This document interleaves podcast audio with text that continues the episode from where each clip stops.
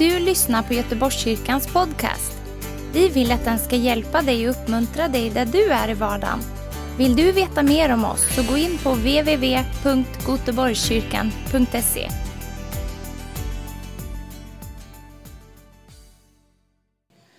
Hej allihopa! Är det bra? Solen skiner, det är dags för vår, eller hur? Ja, skönt att vara här alltså, det är skönt att vara här. Um, ja, jag kommer ju komma tillbaka sen med Bets om två veckor. Eh, men jag fick äran att följa med och liksom köra den här warm-up. Eh, så mitt namn är Gabriel och eh, jag växte upp i Bredäng, en liten förort i Stockholm. Eh, och jag tänkte faktiskt dela lite om vad Gud har gjort i mitt liv. Och det har tagit mig ja, men 30 år att fatta att, att Gud är på riktigt. Liksom. Jag tänkte börja med första, alltså alla gånger som Gud har mött mig och sen så ja, lite reflektioner hur jag tänker idag liksom, kring Gud och allt. Eh, allt började när jag var 13. Då hade jag åkt, råkat ut för en kraftig hjärtmuskelinflammation. Och, eh, det var ganska allvarligt. Jag var uppkopplad till eh, EKG, så jag fick inte röra mig från sängen. Eh, på sjukhus låg jag där i flera veckor.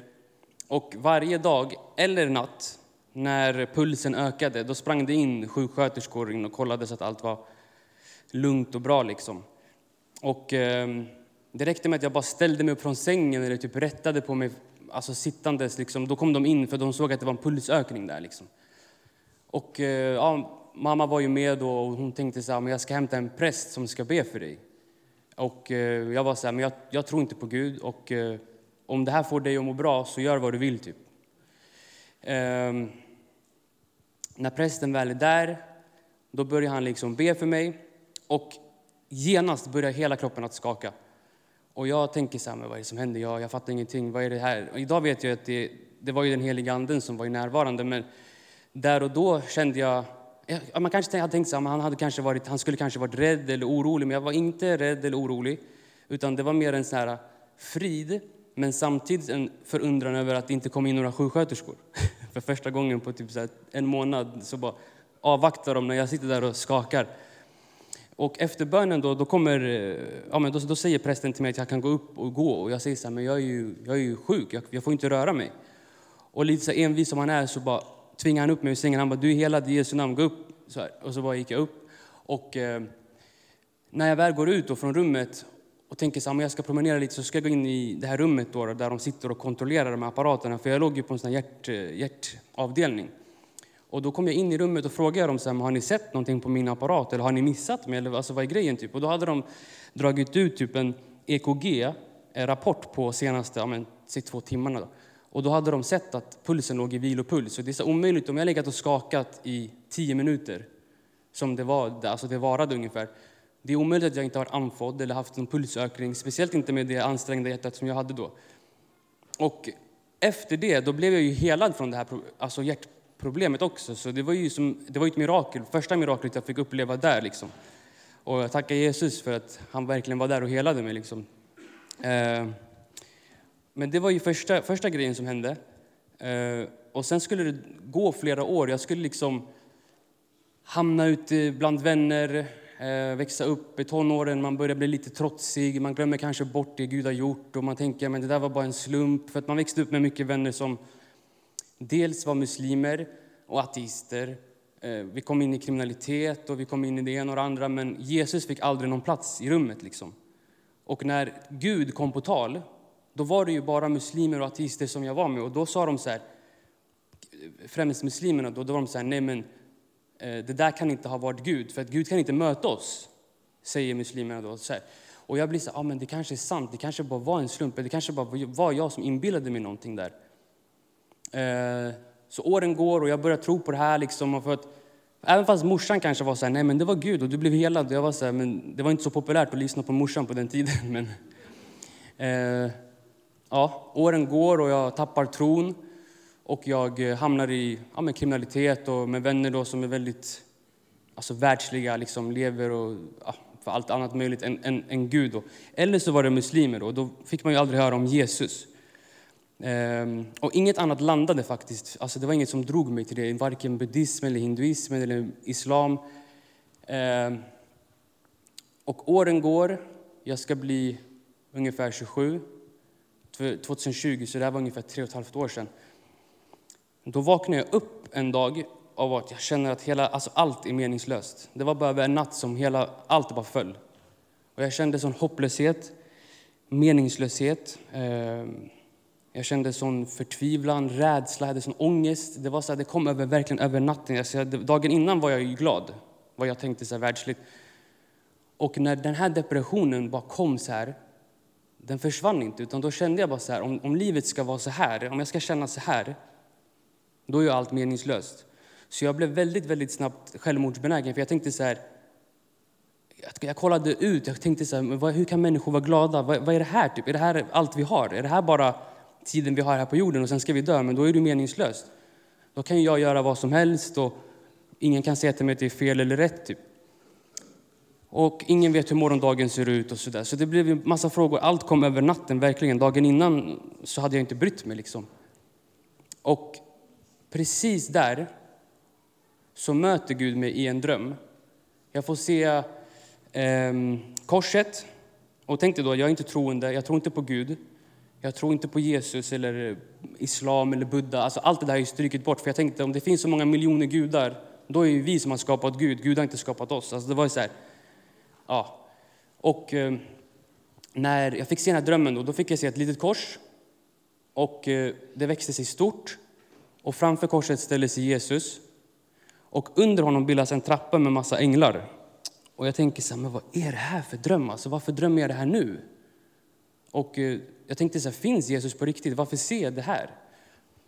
Och då började jag bli så här, det tändes en eld i mig för att allting som jag hade innan, vare sig var det pengar eller flickvän eller relationer eller jobb eller vad det nu än kan ha varit som var världsligt, ingenting betydde någonting längre. Alltså allt bara dog. Och det enda som gav mig lite hopp, det var Jesus. Och jag kände så här, om Jesus finns, då vill jag ha Jesus. Det var någonting som drog mig till det hela tiden. Det tog mig lång tid, alltså det var inte över natten som allt förändrades. Men det har tagit mig ungefär, sen 2020, ja men nästan fram tills nu alltså, då jag har grävt, jag har studerat inom islam, alltså haditerna, koranen, jag har studerat allt. Och inte minst Bibeln har jag försökt bryta sönder för att, okej, okay, jag har fått uppleva saker, jag har fått drömma saker, jag har fått se visioner, jag har fått höra andras vittnesbörd, Bets vittnesbörd, jag har fått höra massa personers vittnesbörd. Och det började, allt pekade på Jesus, men ändå var det som att poletten inte hade trillat ner den. Och jag, så jag sökte, jag studerade, jag läste. Och ju mer jag läste, ju mer frågor jag hade, desto mer svar landade hos Jesus och Bibeln. Och jag var så här, helt ärligt, jag var helt opartisk. Jag sa, vart än sanningen leder mig, dit kommer jag gå. Om det är hos Mohammed kommer jag bli muslim, om det är hos Buddha kommer jag bli buddhist och så vidare. För jag, ville, jag sökte genuint efter svar. Jag var opartisk. Eh, men allt ledde ju till Jesus hela tiden. Och det var så fascinerande att se och verkligen känna hur starkt det bara pekade åt Bibeln hela tiden. Inte, nog, inte minst med drömmarna och visionerna och upplevelserna som han hade fått. För det är ingenting jag kan ha hittat på. Varför drömde jag inte till exempel om Buddha eller någon annan eh, karaktär? Eh, och det var så här, det var, det var väldigt, väldigt mycket som hände den här perioden, men alltså min tro idag, den är så stark. För att jag vet att när, när livet kraschar, när, när saker och ting eh, dras bort från en, det är då man får möjlighet att förstå eller söka. Och jag är nöjd, alltså jag, jag, är, eh, jag ska inte säga att jag är nöjd med det, men jag, jo, jag är väldigt nöjd med det i efterhand. Men jag är glad att mitt liv kraschade. För att då hade jag aldrig fått möjlighet att möta Gud. För jag hade så många fasader däremellan som hindrade mig från att komma till Gud. Det kunde ha varit pengar, det kunde ha varit karriär, det kunde ha varit flickvän, relationer, eh, vad, vad det nu än är. Så det har varit en jobbig period, men samtidigt en nåd, för jag har fått lära mig så mycket av det här. Jag har fått möta Gud, Gud har fått möta mig. Ehm, och det var faktiskt inte förrän för typ två veckor sedan som jag fattade att den här drömmen jag drömde, med Jesus på toppen, trappan, änglarna som liksom åkte upp och ner. Det är Jakobs drömmen från Första Mosebok 28, 12-13. Och när jag fattade det, Gud säger ju, alltså han säger ju Herren stod på trappan och Herrens änglar åkte upp och ner. Och den, den sträckte sig från jorden upp till himlen. Det enda som har lagts till i min dröm det är korset bakom. och där säger ju Gud till, till Jakob, jag är din Gud, Abrahams Gud och Isaks Gud. Så redan från början, innan Gud vet att jag ska börja på min sökningsvandring, då har han redan svarat min fråga. Förstår ni hur, alltså vilken ironi han har? Så det är så mäktigt. Och det var när poletten trillade för typ två, tre veckor sedan, jag skickade den till Betsy. Jag bara, bror, jag har fått värsta uppenbarelsen. Och det var då som allt bara, alltså det här är, det, är, det är helt sjukt. För det var så många spikar i kistan. Det var verkligen den sista som han bara smashade ner.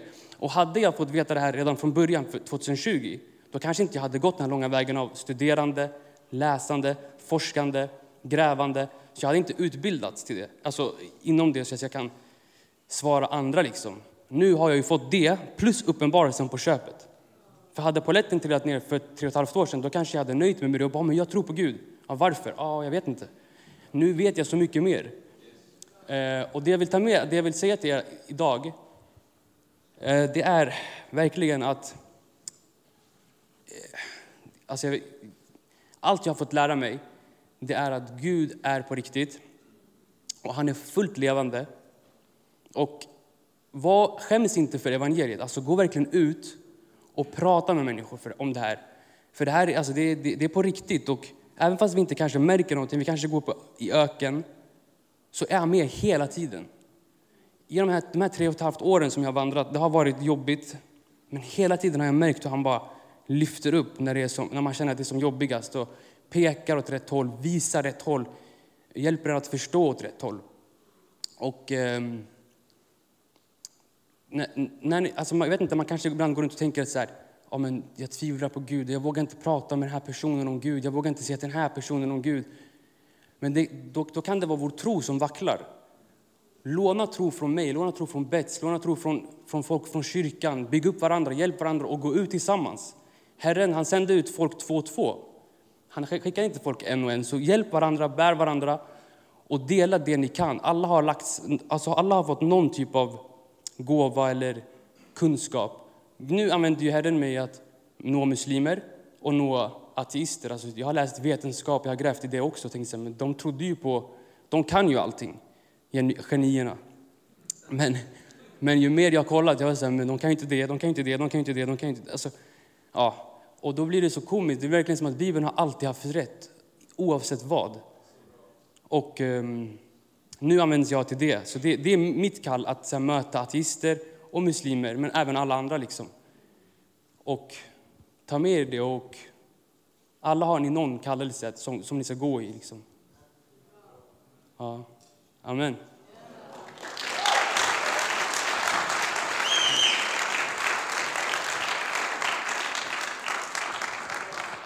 Jag, jag vill egentligen dela en bild, men jag tänkte, ska jag ta den nu? Jag kan ta den nästa gång kanske.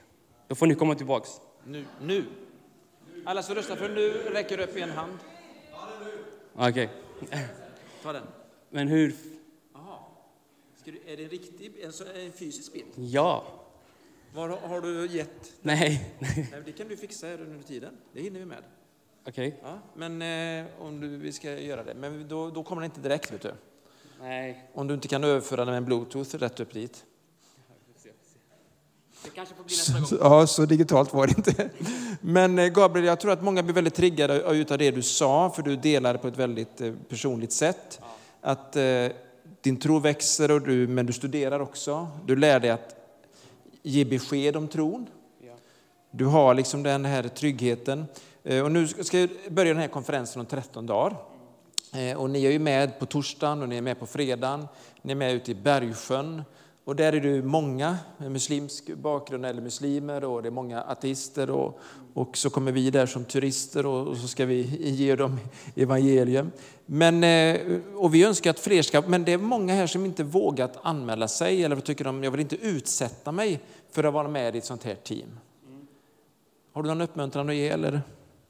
Ja, alltså. Eh, alla människor är, de är öppna för antingen är de öppna för Gud eller så är de inte det. Och så här, muslimer är väldigt öppna för Gud. Och de älskar att prata om Gud.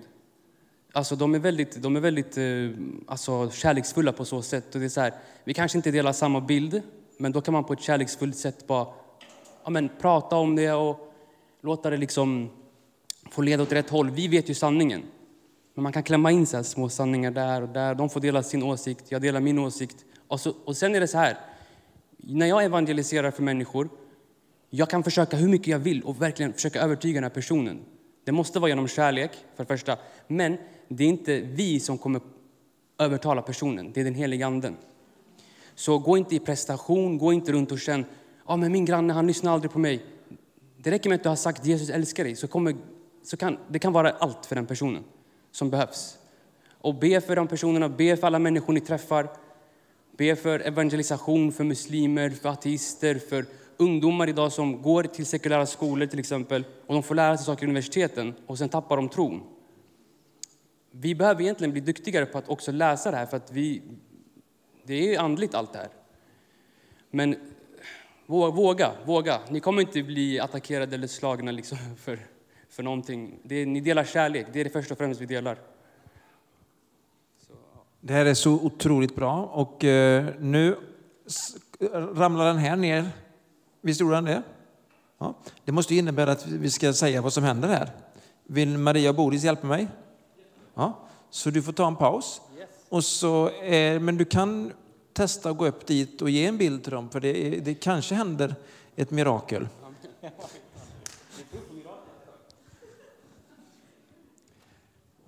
Vi säger det tillsammans. Du har väl anmält dig? Vad skulle du säga det i korus? Du har väl? Ja, jag har anmält mig. Ja, Christian har anmält sig. Han var snabb på anmälan. Det är så här att vi kommer ha, vi kommer ha öppna kvällsmöten. Då bara bjuder vi in så många vi bara kan. Från gatan, vänner, alltså så. Det finns liksom ingen anmälan till kvällsmötena. Men konferensen, det är en utrustande konferens och där har vi anmälan för att när du anmäler dig, då är du med och betalar eh, evangelisationen och alla omkostnader. Så det här är ju inte bara att nu går vi på en härlig konferens och på goa möten och fyller oss med ännu mer kunskap om hur vi ska gå ut. Utan vi vill ju göra det. Så förmiddagarna kommer vara tillämpbara och praktiska. Där vi ger dig och mig inspiration, uppmuntran, redskap för hur vi kan nå människor med evangeliet. Och hela eftermiddagarna så går vi tillsammans ut och så är vi uppe i Bergsjön. Ett område där det har bott i, jag tror det är 20 år nu, Christian ännu längre. Vi bor där, jag och Maria och vår familj och många andra här i församlingen. Så det här är ju någonting som vi har liksom burit på under många, många år. Bergsjön är liksom platsen där Göteborgskyrkan föddes, skulle man kunna säga, med nytt livarbete och allt det vi hade. Och vi tror att det är dags för nya pionjära steg i Bergsjön. Eh, och vi tror att när vi tar steg då öppnar Gud dörrar, både människors hjärtan men också kanske andra dörrar för att få påverkan i samhället och påverkan på den här stadsdelen. Och därför behöver du anmäla dig så att du säger yes, jag är med. Vi har satt en väldigt låg avgift för att alla ska kunna vara med. Och om du mot förmodan inte har råd att betala den, då löser vi det. Då pratar du med någon av oss för att du ska vara med. Men gå in på vår hemsida eller direkt på ettkliv.göteborgskyrkan.se. Där har du ett formulär du bara fyller i. Eh, allting. Du kan välja till mat om du vill det, eller du kan äta hemma. Massa val du gör där och så får du en bekräftelse. Tack. Hur många experter har vi här inne på att berätta om Jesus för andra? Och alla händer var i luften.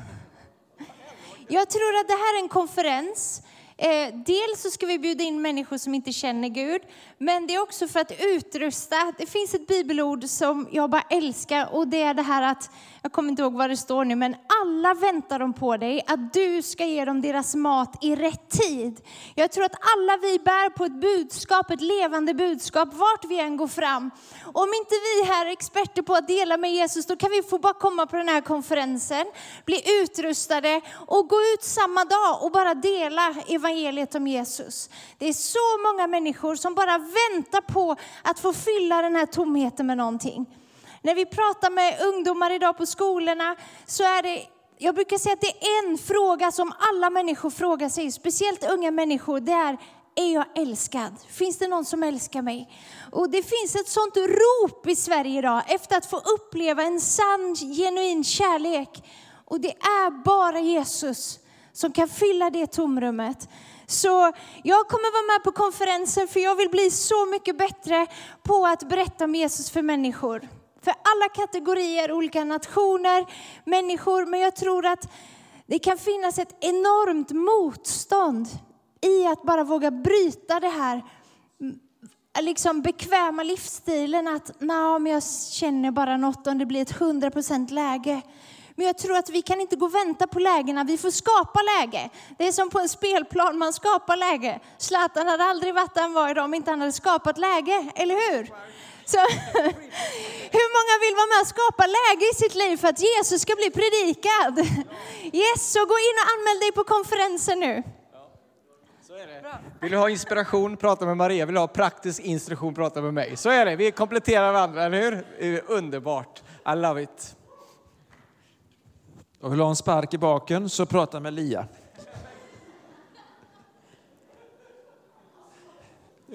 Olika gåvor. Jag tycker det är så bra. Det är att man kan dela med sig av sin tro. Precis som du sa här Gabriel. Man, man är teamar ihop med andra. För ibland är det, kan det vara lite lågt och så är det någon annan och jag kickas så igång utav evangelister, människor som brinner för att dela och få vara med en sån här dag i skolan tillsammans med Bets och Gabriel, så när man är uppbyggd och se den kärleken som ni delade, eh, tron och vittnesbörden i, i fyra olika samlingar. Det, det var oerhört starkt att se ungdomarnas hunger och längtan och deras frågor Wow! Så Herre, jag tackar dig för denna fantastiska möjlighet att få bara få få de här lägena, men också att vi utsätter oss för det och att vi blir dina vittnen. Vi blir fyllda av din kraft. Vi förstår att det är ingenting som vi fixar själva, men det är någonting som vi vill. Någonting som vi vill gå ut med och ta det där klivet utåt, det där klivet framåt. Tack att du också triggar många som är här nu, också de som följer oss via eh, Facebook eller Vision Sverige, just nu i Jesu namn. Amen. Nu ska vi se om vi kan få någon fysisk bild. Är det fixat eller blir det om 13 dagar? Funkar det?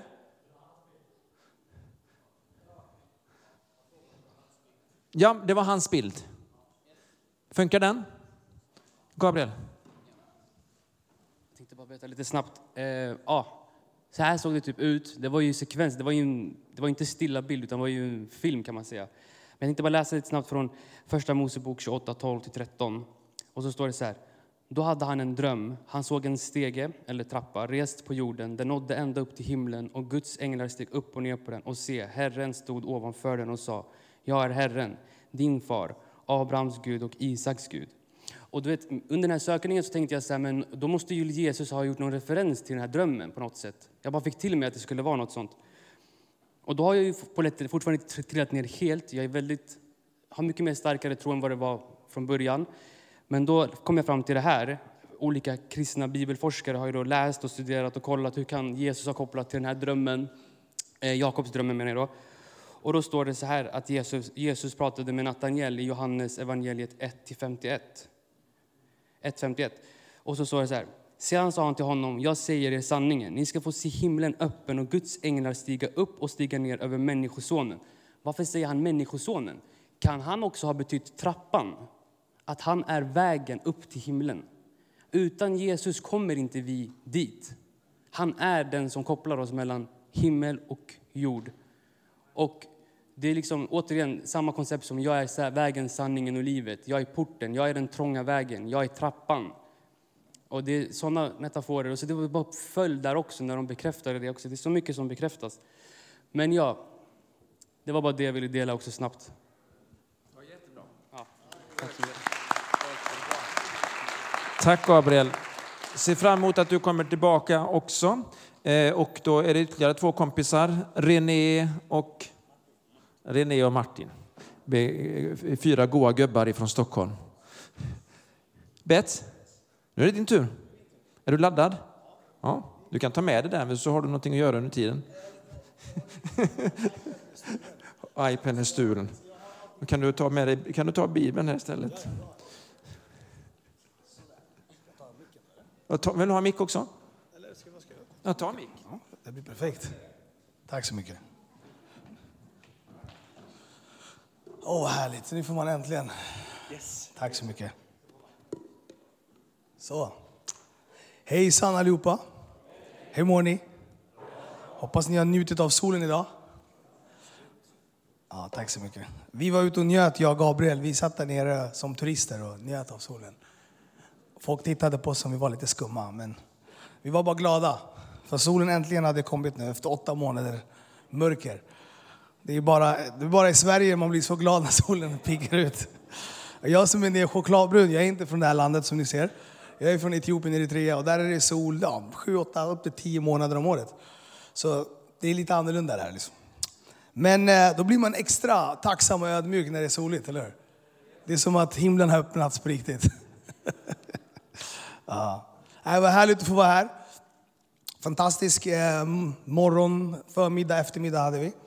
Där eh, vi fick prata med härliga ungdomar som hade alla möjliga roliga frågor om allt man har varit med om i livet och så. Men väldigt viktigt är det tycker jag att, att få tala liv och, liksom, och hopp in, in, i, in i framtiden som jag kallar det. Just för, för, för de är framtiden.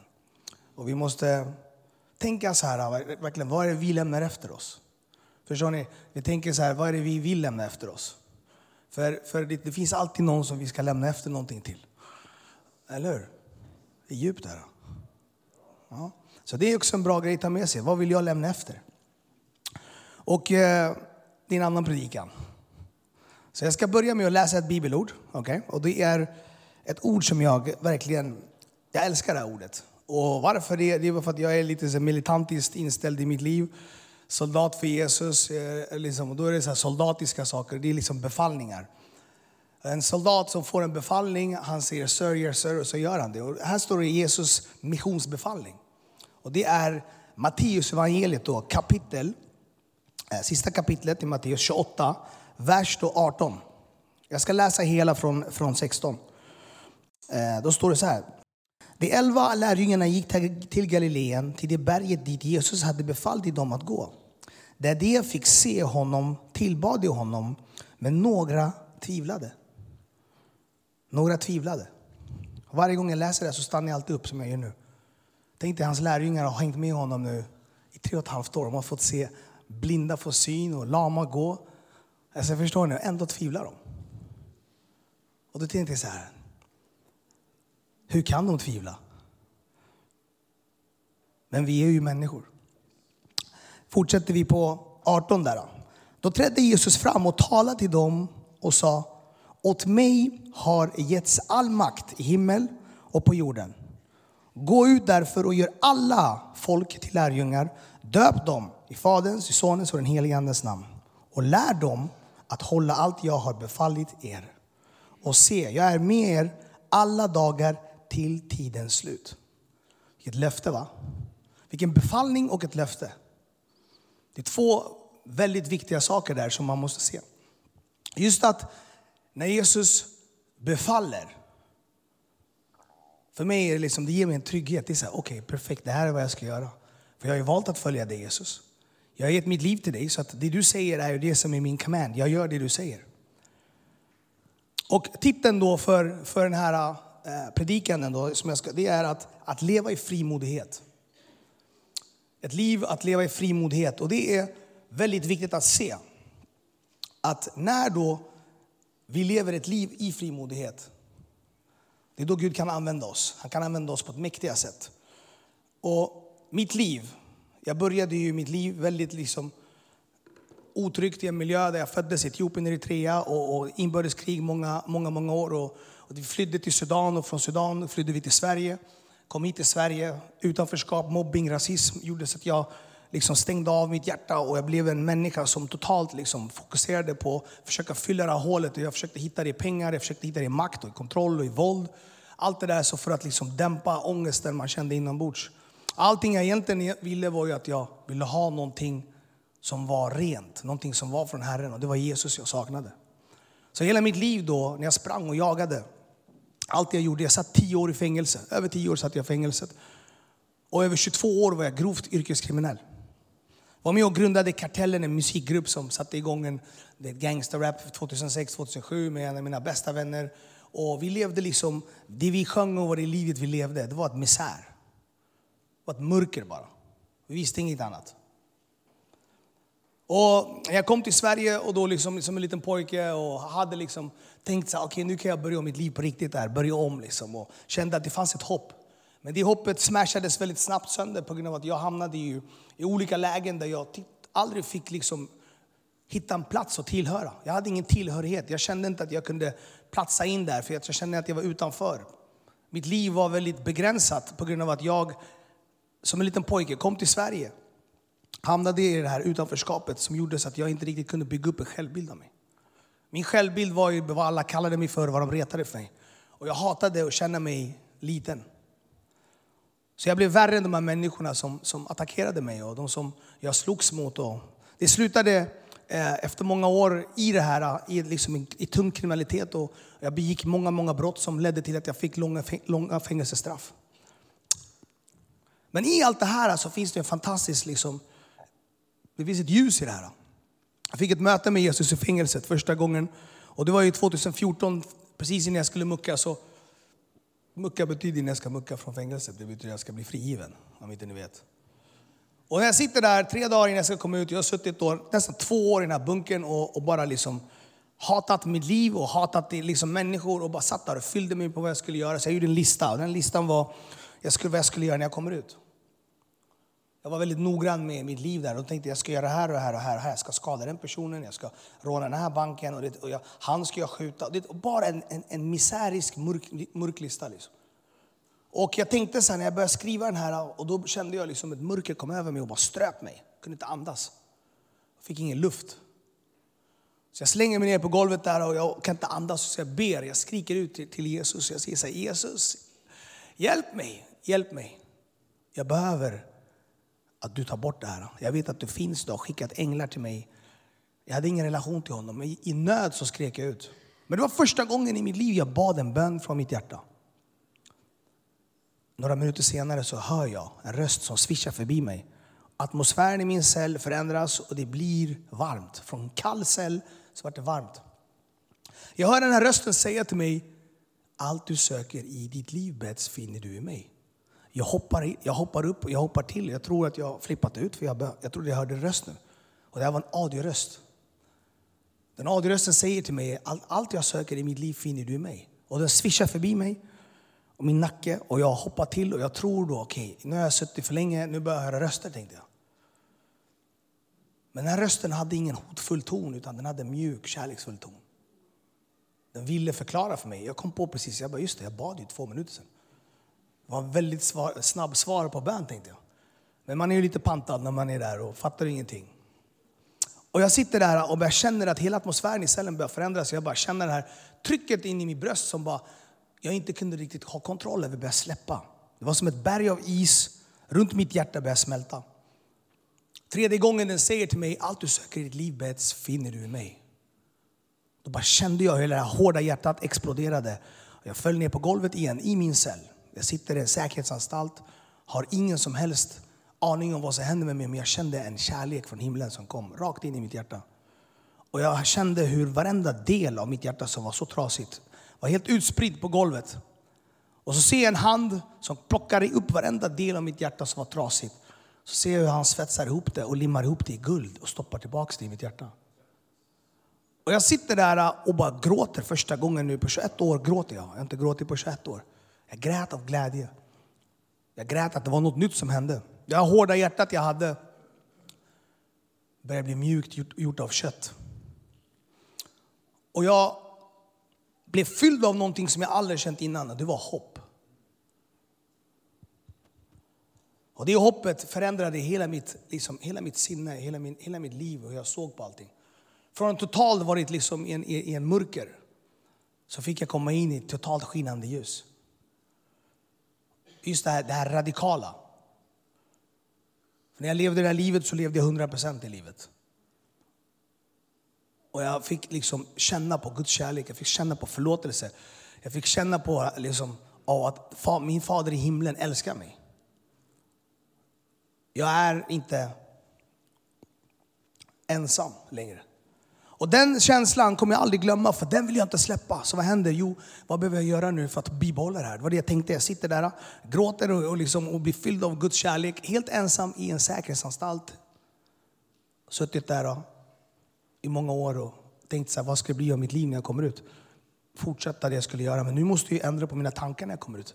Tre dagar senare så kom jag ut och träffade mina vänner, bland annat Sebbe och andra mina vänner. Och de såg att det var något nytt som hade hänt med mina ögon. De sa, det är något som har hänt med dina ögon, sa de till mig. Jag bara, vadå? De bara, du ser glad ut. Och jag bara, ja, jag vet inte vad jag ska säga, men någonting hände med mig två, tre dagar sedan innan jag var i fängelset. De bara, vadå? Jag vill inte säga till dem, för man är lite för stolt. Man vet inte riktigt hur, hur de ska ta det här.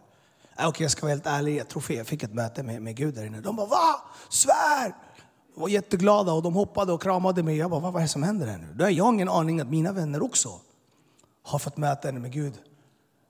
Så jag har fått det, två andra vänner till mig. Och det är som, jag bara såg hur Gud mötte alla mina vänner. Och jag, då såg jag, shit det här är på riktigt. Det här är på riktigt, okej. Okay. Och då vart jag ännu tryggare och ville liksom göra det här nu.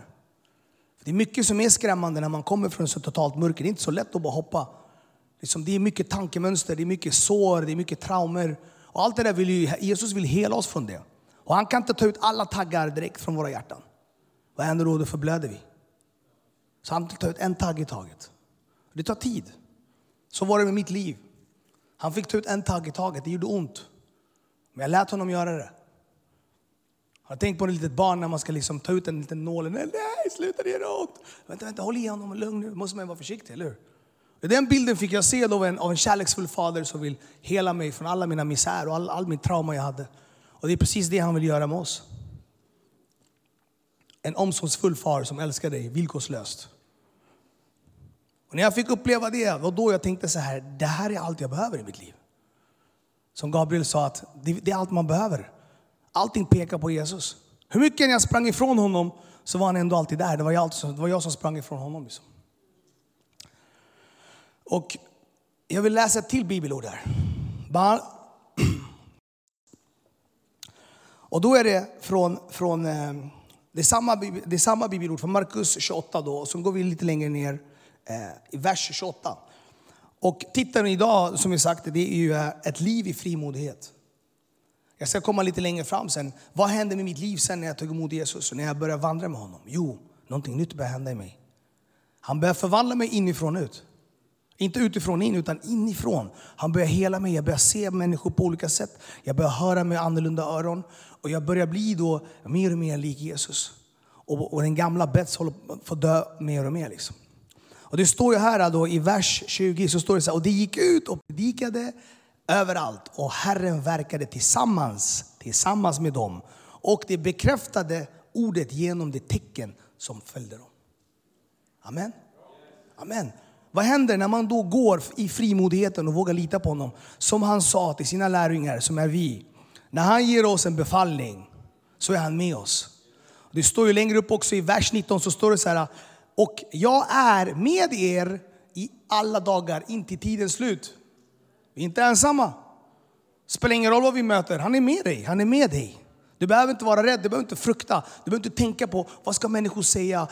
Bry dig inte om vad de tycker och tänker. Bry dig bara om vad ordet säger. Bygg ditt ord på sanningen. För när du bygger ditt ord på ordet, när du bygger ditt liv på ordet så blir du stabil. För allting som är distraherande i vår värld är så kopplat med hur vi ska vara för behaga människor. Helt fel. Vi ska behaga Gud. Jag vill behaga Jesus. Den befallning han har gett mig, den vill jag gå i. För att han har ju lovat mig, han har både gett mig löften och en befallning. Han har gett oss två saker, löfte och befallning. Löftet är ju tryggheten att du inte behöver vara rädd. Befallningen är att gå i det jag har gett dig. Var frimodig. För det är en gåva. Han har gett oss frimodighet. Så när vi väljer då att gå i det han har gett oss, heliga anden kommer då aktiveras i dig. Och du kommer få se med nya ögon. Du kommer få tala med en ny tunga. Du kommer få höra med nya öron. Och när du lägger dina händer på människor och vill be för dem så kommer det hända fantastiska mirakel. För Gud är då villig att använda dig. För du är villig att bli använd. Amen. Så frimodighet för med sig stor belöning. Heliga anden är ju den som ger oss både kraften, Han ger oss frimodigheten, han ger oss allt vi behöver. Det vi behöver göra är att ha ett villigt hjärta och be honom om hjälp. Det står så här att vi ska behöva vara, för att vi ska behöva vara vittnen. Så står det så här i, i första Apostlagärningarna kapitel 8. Kapitel 1, vers 8, förlåt. Så står det så här, när den heliga anden kom över dem. Kan ni säga det efter mig? När den heliga anden kom över dem. Ja, exakt. Så ska då kraft och bli mina vittnen i Jerusalem, i hela Judeen och Samarien och ända till jordens yttersta gränser. Är inte det mäktigt? Alltså det, här är ett till löfte. Så hur ska jag göra? Frågar man. Vad är det jag ska göra? Du behöver inte åka till Haparanda, du behöver inte åka till Indien för att vittna. Man tänker så här, missionärer är de som far långt ut och predikar evangeliet. Du börjar där du är. Det kan vara i din hiss, det kan vara din granne. Det kan vara din familjemedlem. Att missionera betyder ju att dela vidare de goda nyheterna. Jag älskar det står på engelska, det står så här, spread the good news. Det är goda nyheter. Jag fick alltid en så här jätterolig bild i mitt ansikte, i mitt huvud när jag tänkte så här. Så står någon med, med, liksom, med en mick mitt på liksom torget. Har ni hört de goda nyheterna? De tänker så här, vad är det som har hänt? Att Jesus har dött på korset för dig och att han älskar dig. De fattar inte, va? Har du inte hört? De bara, nej jag fattar inte. Kom hit, nu ska jag berätta för er. Då. Alltså. Så där, exakt så där fick jag se en bild för mig. Jag bara tänkte så här, okej. Okay. Så de goda nyheterna är ju då att, att berätta för människor vad han har gjort för dig. Och att du inte behöver vara rädd, du behöver inte vara ensam, du behöver inte vara trasig, du behöver inte gå i det mörkret du går i. Att det finns en väg ut för dig, det finns räddning. Det Är inte helt underbart? Visst är det så underbart när man bara bryter ner ett ord som man har fått höra så många gånger. Speciellt jag är, jag är inte kyrkvan sådär, men många, ord, många gånger när jag hör ordet frälsning, det låter bara som en så här, för mig är det så här, åh, frälsningsarmén. Eller bara människor som snackar om frälsning. Jag förstod inte ordet frälsning. När jag dök in i det, jag, bara, jag älskar att dyka in i det som, som Gabriel. Just vad, är det, vad betyder frälsning? Det betyder räddning. Tänk dig räddning från allting du går igenom i ditt liv. Det han sa till mig när jag satt i den där fängelsecellen, han sa allt du söker i ditt liv Bets finner du i mig. Jag bara va? Så vad betyder det? Jo, allting du och jag söker i våra liv finner vi i honom. Behöver jag mer frimodighet? Det finns det för dig. Behöver du mer kraft för att ta igenom vissa saker i ditt liv? Det finns det för dig. Är inte det helt underbart? Att han ger oss allt det vi behöver och det finns i honom. Att lita på honom är att gå i tro. Amen. Den heliga ande, vår bästa vän. Jag vaknar upp varje morgon. Första jag gör, jag går upp, jag tittar, jag säger, oh, jag lever. Tack Jesus. Ja, det är det första jag gör. Jag tittar till vänster, min fru ligger och snarkar. Jag säger, tack Jesus, min fru lever. Jag kollar runt. Du vet, det här är vad jag gör varje morgon. Ni, ni kan garva, men det är sanningen. Jag tittar runt i min, i min, liksom, min lägenhet. Jag bara, wow, jag har tak över huvudet. Tack Jesus. God morgon heliga anden. Jag bara tänkte, vad underbart att du är här med mig. Och det spelar ingen roll vilken humör jag än vaknar i. Så väljer jag att ödmjuka mig och sätta mig i den liksom famnen där han kan vagga mig in i den bästa vägen. Så jag börjar med att tacka honom för allt jag har, från mina kalsonger till mitt täcke, till mina tofflor som är trasiga, till allting jag ser. Jag, och jag bara försöker, liksom, desto mer grejer som jag tar för givet och jag tackar för, så blir man tacksam. Vem har sagt att jag ska få allt det här? Vem har sagt ens att jag ska vakna på morgonen? Det dör tusentals människor, jätteglada, sover de och vaknar inte upp. Vem har sagt att vi ska vakna? Hur vet du 100% att du vaknar imorgon? Förstår ni? Om man börjar tänka, det är en gåva, det är ett mirakel att du och jag lever varje dag. Att vi får gå, att vi har fötter att springa med, att vi har mat på bordet, att vi har hälsa, att vi har liksom bilar att åka med, tåg. Alltså det, det finns så mycket att vara tacksam för. Ett ödmjukt hjärta, ett formbart hjärta är precis vad Gud vill ha då blir man livsfarlig. Då blir man en soldat för Jesus. Och då blir djävulen väldigt rädd för dig. Där du går vet han att hon är utrustad, han är utrustad. Djävulen kommer backa. Just att börja din dag rätt. Börja med att överlåta allting till honom. Börja med att ödmjuka dig och tacka honom för allt. Det är svårt att, liksom, att ta saker, det är lätt att ta saker och ting för givet. När man lever i det bekväma. En sak som är intressant att tänka på, våra systrar, våra bröder och systrar liksom i, i, i andra länder, som, de har inte ens, de vet, i Kina finns det många platser där de inte ens har en bibel. Jag fick höra då, det, finns, det fanns en liten bönegrupp i Kina, jag vet inte exakt vart de var, en broder till mig berättade, för han var där och liksom missionerade många år. De smugglade in biblar och de satt i, liksom, i små källare, ungdomar, och satt och läste och bara halleluja, wow! Och de bara blev fyllda av den heliga anden. Så sprang de ut och, liksom, och bad för människor och liksom levde det här övernaturliga livet. Många av dem vart fängslade. De levde liksom ett annat liv. På det yttre kan det se normalt ut, men vi har så mycket att vara tacksamma över. Just att vi ska vara frimodiga och dela vidare evangeliet är en uppgift du och jag har. Det är en befallning som sagt och det finns ett löfte med, det, med den befallningen. Det är att han är med dig. Evigt liv är vad han lovar oss. Att leva ett liv i frihet. Det står i Johannes kapitel 8, vers 36, så står det så här. Om nu sonen gör er fria blir ni verkligen fria. Amen. Jag älskar det ordet, för det där, var, det där är en kedjebrytare. Det där kallar jag för så här bazooka-ord. Bazooka-ord som bara tar sönder väggar. Boom! Vilken omständighet du har framför dig, man lägger fram bibelordet och man bara tjoff! Där, nu kan jag gå. Där har vi det. det bazooka-ord är väldigt viktigt att ha med sig i livet. Man ska ha många sådana. Tänk dig, det är ammunition. Ja, vi är ute i krig varje dag. När det kommer, någonting, kommer en omständighet i ditt liv, ta fram ditt bazooka-ord. Allt förmår jag som ger, som ger mig kraft. Boom! Boff. Tack Jesus, så går jag i det liksom. Med swag, förstår ni? Där har vi det. Så, tack Jesus. Du är med mig vart jag än går. Jag behöver inte vara rädd för någonting. För du har sagt att jag kan gå. Du är med mig. Och liksom leva i det, gå i det, tala i det. Tänk på en sak, ni är skapta för att vara huvud, inga svansar. Vi är, inga, vi är inte under utan vi är över. Det här är, det här är liksom Guds ord som, som säger till oss hur vi ska leva vårt liv. Att leva i frihet. Det finns inga bindningar som inte Jesus har betalat priset för. Det är också att förstå att, att leva i frihet, att förstå vad han har gjort för dig och mig på korset. Han har tagit all sjukdom, han har tagit alla problem, han har tagit allt det här för oss på korset. Jag vill ju tro på det och gå på det, det är upp till mig. Men han har gjort det för dig och mig. Just att kunna gå ut och proklamera det i alla situationer i ditt liv, där kommer den här galna tron. I Galaterbrevet, idag kommer jag slänga lite ord, lite bazooka-ord som jag sagt. De är bra att ta med sig. Galaterbrevet kapitel 5, vers 1 så står det så här. I denna frihet har Kristus gjort oss fria. Stå därför fast och låt er inte tvingas in under slavens ok. Att vara en slav, det var någonting jag var många, många år. Jag var slav under mörkret. Jag gjorde så mycket hemska saker. Jag, jag vill inte göra dem, men jag gjorde dem. Och när Jesus då gjorde mig totalt fri, när han bröt de här kedjorna. Och jag läste det här i Galaterbrevet flera gånger, att jag förstod att jag är fri, jag är frigjord. Jag behöver inte gå in under det där längre, förstår ni? Fruktan är någonting som han försöker använda ofta i vårt liv. Med manipuleringar av sanningen. Han slänger omständigheter i ditt liv och gör dem mycket större än vad de är. En bild som jag fick se väldigt klart och tydligt. Jag hade många nätter då där jag brottades med saker och ting. Jag bara, Gud varför?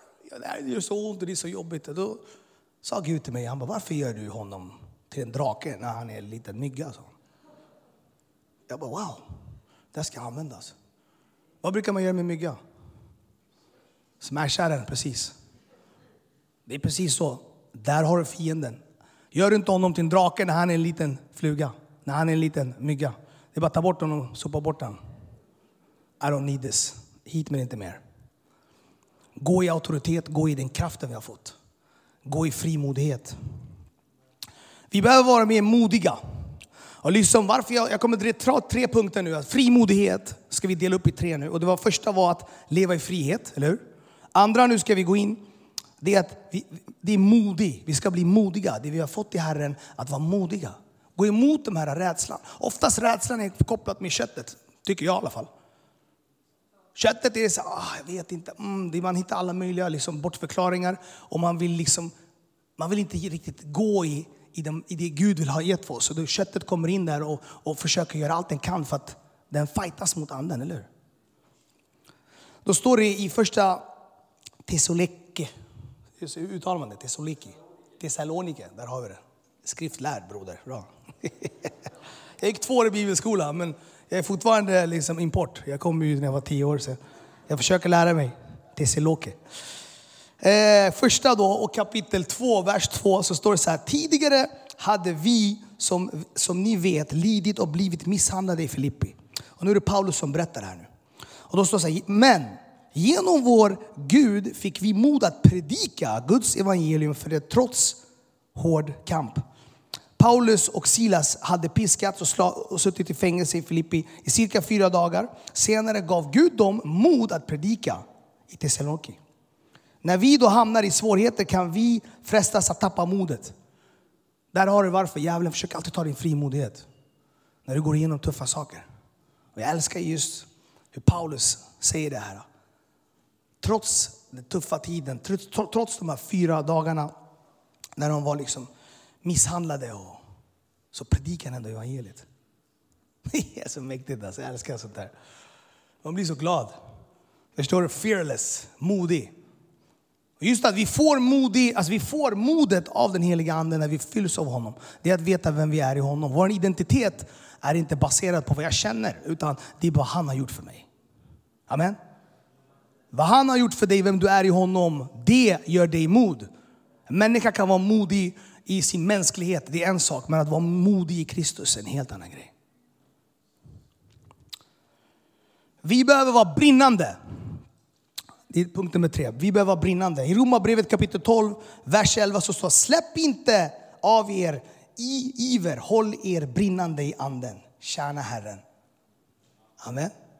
Jag läser igen. Slappna inte av i er iver. Håll er brinnande i anden. Tjäna Herren. Att vi ska vara brinnande. Och då menar jag så här, frimodighet, nu ska jag dela upp det i tre olika delar. Frimodighet är fri, första. Modig i mitten. Tredje, het. Frimodighet. Heta i anden, modiga i det vi har fått av Herren och vilka vi är i honom. Och fri för vad han har gjort för oss på korset. Amen. Var världens ljus. Det säger Jesus. Han säger så i, i Markus evangeliet kapitel 5, 14. Så säger han så här, ni är världens ljus. Han säger inte så här, du kan vara världens ljus om du gör det här och det här. Utan ni är världens ljus. Ni är världens ljus. En stad som ligger på ett berg kan inte döljas, eller hur? Alla säger Göteborg. Det är ingen som döljer Göteborg, eller hur? Om man tänder, om man, om man tänder inte ett ljus och sätter den under käppan, utan man sätter den på hållaren så att den lyser för alla i huset. På samma sätt ska ert ljus lysa för människorna. Jag läser igen. På samma sätt så ska ert ljus lysa för alla människor. Så att de ska se era goda gärningar och prisa er Herre i himlen. Vi är ambassadörer. Vi är ambassadörer. Vi är ljuset här på jorden. För våra bröder och systrar som vandrar i mörkret. Jag var en av dem som vandrade i mörkret. Jag hade jättemånga människor som var liksom där för mig och lyste upp den vägen jag behövde gå i. Och det är vackert när man får en människa som brinner för dig och älskar dig liksom, och får vara den ambassadören för, för Jesus i ditt liv. Du och jag har det ansvaret. Hur är jag ljus kan man fråga. Genom att bara älska en människa. Se den människan. Behandla den människan med omsorg. Det är inte mer än så man behöver göra. Man behöver inte liksom, det behöver inte vara mer än det. Det är bara att älska dem. Älska din medmänniska. Se den. Vad kan jag göra för dig? Hur mår du? Många människor tror att bara för att vi ska gå ut och sprida de goda nyheterna, då måste jag säga Jesus, omvänd er, annars kommer ni till helvetet. Det är inte det det handlar om. Det handlar om att människor ska få se ljuset. Först och främst börja med att du förstår vem du är. Och när du då kliver framför människor, att visa dem vem Jesus är i dig. När de ser dig så ska de se, wow, det där är en människa som är en följare av Jesus. Jag vill också följa Jesus. Jag kan stå och ha jättefina ord och lyfta upp Bibeln och skrika. Och liksom, men om jag ska vara ett ljus så ska jag vara ett sant ljus. Jag måste leva efter vad jag läser. Jag måste leva efter vad jag predikar. För fyra och ett halvt år sedan satt jag i en källare med en pistol i min hand. Jag tänkte gå och skjuta en kille och döda honom och jag tänkte döda mig själv. Jag var trött med mitt liv. Jag frågade Gud en sak. Jag sa, Gud varför är mitt liv så hemskt? Varför är mitt liv så hemskt? Jag vill bara, jag fattar inte. Då sa Gud till mig så här att, Bets, du har inte gett mig allt. Han visade mig en bild på mig, hur patetisk jag såg ut. Jag tyckte så synd om mig själv. Tog absolut inget ansvar. Jag sa så här, varför? Jag trodde jag gav dig allt. Jag har tagit emot dig, jag döpt mig och... Värsta hycklaren. Jag hade båda mina fötter i båda världarna. Jag hade inte gett honom hela mitt hjärta. Jag hade inte gett honom alla tio rummen som jag har i mitt hjärta. Jag hade inte gett dem till Jesus. Jag hade sorg, hat inombords, oförlåtelse. Och jag är en expert på att använda. Det du inte har gett till Jesus, han tar det direkt. Så vad sa han till mig? Han sa till mig, Bets, du har nu vandrat länge utan mig. Och jag tänkte så här, ja det stämmer. Jag tittar på den här bilden, hur patetisk jag såg ut. Det är en bild av mig själv. Han visar mig en stark bild, en vision. Som, en, liksom, som, som den här, om den här skulle, jag, bara, jag, bara, jag vill inte vara den här människan. Jag vill inte vara honom. Då sa Gud till mig så här. Om du vågar ge mig allt, så sa han till mig, om du ger mig 100 procent. Det var första gången jag hörde 100 procent. Om du vågar ge mig 100 procent så ska jag ge dig ett liv av mirakel under, sa han till mig. Mitt liv var, jag var botten av mitt liv. Han sa till mig 99 procent eller 20 procent är samma. Det du inte ger mig, sa han, den procenten du inte ger mig, djävulen lägger två nollor bakom dem, sa han. Hängde ni med? Han tar en procent, han ger dem till hundra. Och då, och så, och då fattade jag, då poletten trillade ner. Jag bara, åh, jag fattar. Jag har gått runt i mitt liv då och inte hade liksom, såg tio rum i mitt hjärta. Jag kunde inte överlämna de här tio rummen i mitt hjärta. Då sa Gud till mig att ge mig allt så ska jag ge liv av mirakel under. Där på plats jag sa okej. Okay. Jag gick ner på mina knän och gav honom mitt liv. Då kände jag liksom en ström från himlen komma ner och bara reparera varenda del som var så trasigt inombords. Jag hade inte vågat ge honom hela mitt hjärta. Nu var jag villig att gå ner på mina knän och överlåta mitt liv till honom. Och när jag gjorde det så fick jag det första miraklet. Vad vet ni vad det var? Frid. Oh, den var bra. Frid går inte att förklara. Han säger jag ger frid som inte den här världen kan ge dig. Eller Mm. Spelar ingen roll. Pengar, makt, kärlek. Spelar ingen roll. Jag har testat allt och det finns ingen frid som går ens att förklara eller jämföra med den friden man får av Jesus. Det var det första jag fick. Och efter det så fick jag helande. Efter det så fick jag frihet. Han visade mig de första fem miraklerna. Fjärde var min kallelse och min, sista, eller min sista, femte miraklet var att jag fick en relation tillbaka med min familj. Och jag gifte mig och hittade en fantastisk fru. Så Gud bara fyllde allt det där till mig. Men genom att jag gick ner på mina knän och sa, jag ger dig 100% Jesus. Och när man gör det så händer det saker och ting. Han, sa, vad, vad, han gav mig ett löfte. Hans löfte vad var det? Jag ska ge dig ett liv av mirakel och under. Sa han. Och det var vad han vill ge dig. Vad du än brottas med i ditt liv, det kan vara vad som helst. Det kan vara saker och ting som du tycker, ah, jag har till med lärt mig att acceptera det här nu, jag lever med det här nu. Det finns massa saker. Det kan finnas oförlåtelse i ditt liv. Det kan finnas saker och ting du har brottats med sedan du var barn. Det kan finnas traumer. Det kan finnas oförlåtelse. Det kan finnas bitterhet. För dig och mig att kunna gå 100% med Jesus så måste vi ge honom alla våra rum i våra hjärtan. Då kan inte han använda dig som han vill använda dig. Då blir det att du står och velar eller att du vacklar i saker och ting. Ibland så har vi gått med det så många år så vi nästan inte märker det själva. Men det är viktigt att vi är brutalt ärliga med honom. Säger det här och det här, det här vill jag inte ha i mitt liv Jesus, ta det här. Ge mig det jag behöver för att jag ska kunna bli använd, så att jag kan bli fullständigt helad, så att jag kan gå i den fulla kallelsen du har för mig. Och du var transparent med honom, med allt vi har. För att han dog på korset för mig och dig, för att han vill ge oss ett fullständigt liv. Han vill inte ge dig 50% eller 99%, han vill ge dig allt, men då måste du ge honom hela ditt hjärta. Ser det vad duktig jag är som håller tiden där? Gud är god. Gud är god. Gud är god. Han älskar er och han har plan för er och jag är så extremt taggad för vad Gud vill göra i Göteborg. Och ni som är här idag, jag vill att ni ska ta med er här ett liv av frimodighet. Det är det jag vill leva. Kan ni säga det? Jag vill leva ett liv i frimodighet.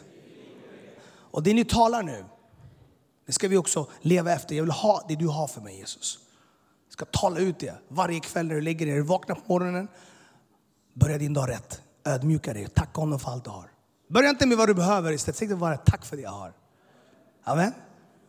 Då kommer Gud börja uppenbara för dig på ett helt annat sätt. Förstår du? Det är mycket skit i våra sinnen, i våra hjärtan. Det är mycket som slängs på oss i, i, i, liksom i våra liv med allt vi tittar på, sociala medier, nyheterna. Vi glömmer bort hur tacksamma vi egentligen ska vara för vad Gud har gjort för oss. Amen. Jag kommer avrunda här nu. Jag vill bara säga tack så mycket för att jag fick komma. Och jag vill bara att ni ska ta med er att vara en soldat för Jesus och att vara frimodig, det är en del av vårt andligt arv, ett andligt arv. Det är ingenting så här, jag kan inte vara frimodig. Jag ska avsluta med en liten, med en liten snabb story som var jätterolig. Den var, jag var nyfrälst och jag gick på bibelskola och så började jag höra heliga anden. Han sa till mig, Bets, ja, jag bara tänkte så här, nu börjar jag höra grejer. Jag sitter igen i, i, i liksom tåget, jag ska åka till, till bibelskolan. Jag har permissioner samtidigt. Och då får jag höra, han säger till mig, säg till honom där att jag älskar honom. Och jag hör det, jag tittar på en kille, tatuerad i ansiktet, två meter lång, han ser helt brusten och trasig ut. Och jag är helt slut. Jag vaknade upp fem på morgonen och tänkte så här, Så jag började liksom förhandla med den helige anden. Om han går av samma station som mig, kanske, jo oh, jag ska göra det, bara om han går av. Och då säger han till mig, säg till honom att jag älskar honom. Okej, okay, eh, om han går av samma station, jag lovar jag gör det. Han ställer sig upp, han går dit. Jag bara, vänta, han går av. Innan jag ens reagerar och han börjar gå, det är januari minus säkert 10-12 grader, det är kallt ute. Mitt i stationen, vi sitter i bussen, han hoppade av en station tidigare med, jag fattar ingenting. Och jag börjar få den här ångesten inombords.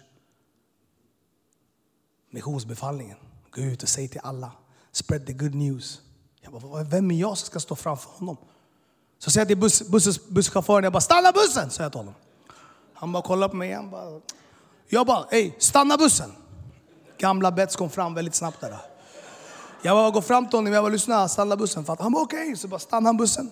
Hela bussen, de tror att jag har flippat ut. Jag bara, och jag, då har ju bussen åkt lite, jag ser killen långt bort. Jag hoppar av bussen och det är så här mycket snö. Och han håller på och går, jag vet inte vart han går. Och jag springer mot honom. Jag springer till honom, jag bara stanna! Han tittar på mig, han bara, då börjar han springa. Han tror jag jagar honom. Han tror jag ska klippa honom eller någonting. För att han, han såg mig titta på honom under hela den här bussresan. Jag bara försöker hitta mod för, jag är så trött, jag ska, vad ska jag säga? För jag, brukar, jag, jag älskar att prata med människor, speciellt när Gud säger till mig. Så i alla fall, så jag jagar honom i alla fall. Och han börjar springa, jag bara vänta! Jag har, jag har ett, jag, bara, jag är helt slut, jag kan inte ens andas. Så han, jag var lite snabbare än honom, så till sist hann jag ikapp honom. Han står redo för att slåss. Jag bara, nej vänta bror, vänta. Jag måste säga en sak till dig, jag har ett budskap. Han bara, va? Jag bara, Jesus älskar dig, sa han. Han bara, va? Och han har en plan för ditt liv. Och han bara tittar på mig, han är helt chockad. Det var inte det han hade förväntat sig. Men det som hände var fantastiskt. Vet du varför? För att hans hjärta var fyllt av hat, mörker, för jag var honom. Han sa till mig sen, han tog tag i mig och kramade om mig. Han hade ett huvud längre än mig, jag, var, jag låg i hans bröstkorg sådär.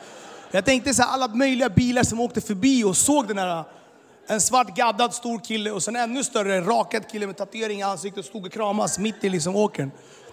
Mitt i januari morgon, minus 12 grader liksom. Han bara kramade mig. Han sa, du förstår inte hur mycket det betyder för mig, sa han. Han bara, jag hade planerat att ta mitt liv i natt. Så.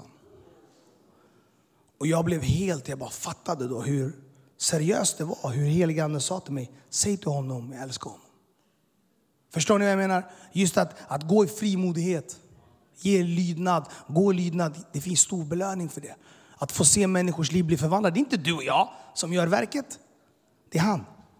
Men vi måste låta honom få använda oss. Frimodigheten är någonting som alltid djävulen försöker ta från dig och mig.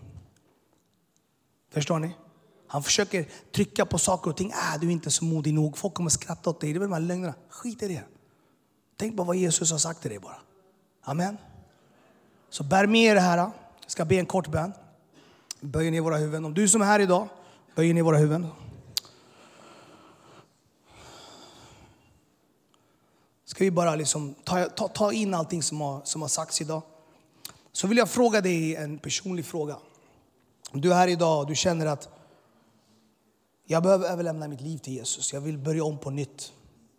Jag behöver frälsning, jag behöver räddning. Jag kanske inte förstår ordet frälsning, men låt mig förklara för dig min broder, min syster. Det betyder räddning. Om du vill ha frihet, leva i frid.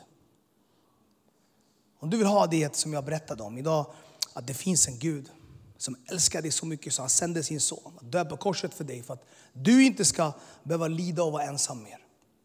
Utan att du ska få ett evigt liv. Och du är här idag och du vill ta emot Jesus i ditt hjärta. Så ska jag bara, jag ska räkna till tre och så ska du bara räcka upp din hand.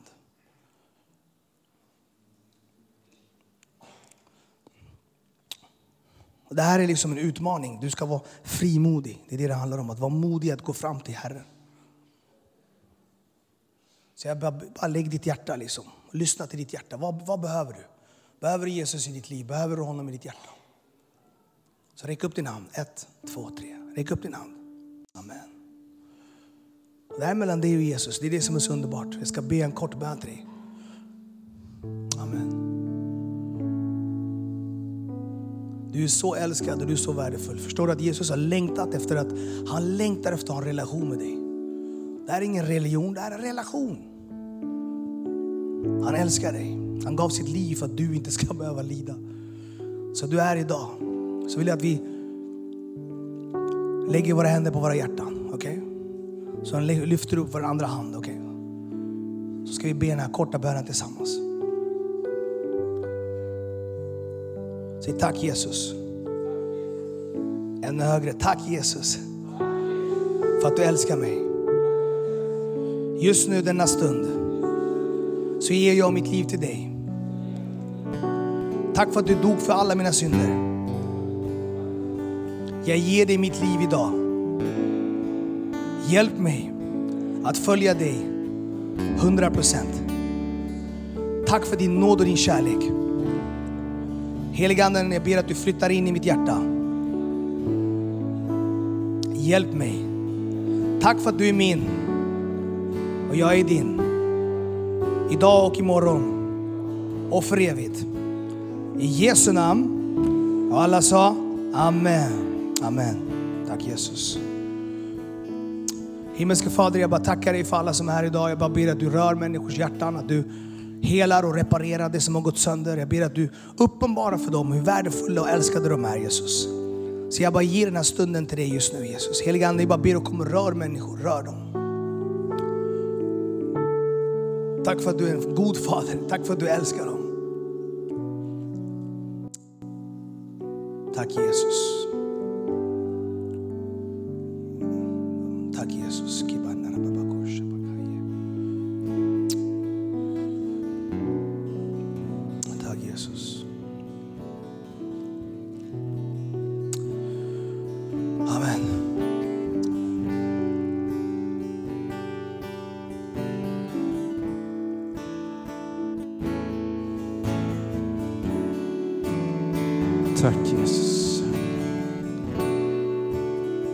Också tillsammans med dig som följer oss via Facebook och TV Vision.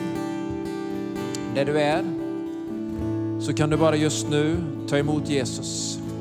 Och jag tror att det är många här som känner igen sig, både vi som sitter här och du som är med på något sätt via digital media.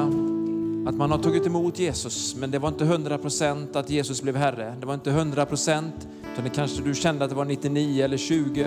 Och det har talat till dig så starkt. Jag kan bara säga det utav erfarenhet att det är så många som är besvikna därför man har missuppfattat Jesu ord. Man tror att man bara kan liksom hänga lite med Jesus. Men det var inte det Jesus sa. Han sa att vi skulle följa honom 100%. Att vi också skulle ta det här uppdraget till oss och göra lärjungar. Att uppleva hans fantastiska närvaro. Att lära sig att hålla alla de bud som han har gett oss bara gå ut med den här kärleken. Vandra tillsammans, fyllda av den heliga Ande. Han sa aldrig till någon, du där du kan få 99% eller 10% annars för du klarar inte av mer. Det gällde för alla, alla, fullständig commitment. Och det kanske kan ta ur dig besvikelsen, ta in dig i kraften, ta in dig i det överflödande livet. Så be med mig också, du som följer oss på det här sättet. Säg också du, tack Jesus, jag ger dig 100 procent. Är det några som vill bara känner men det, det är sant? Så säg, jag ger dig 100 procent. Jag ger dig 100 procent. Och du säger, hur ska det gå tänker du? Därför Gud, han ger också 100 procent. Och så blir det ett fantastiskt lag.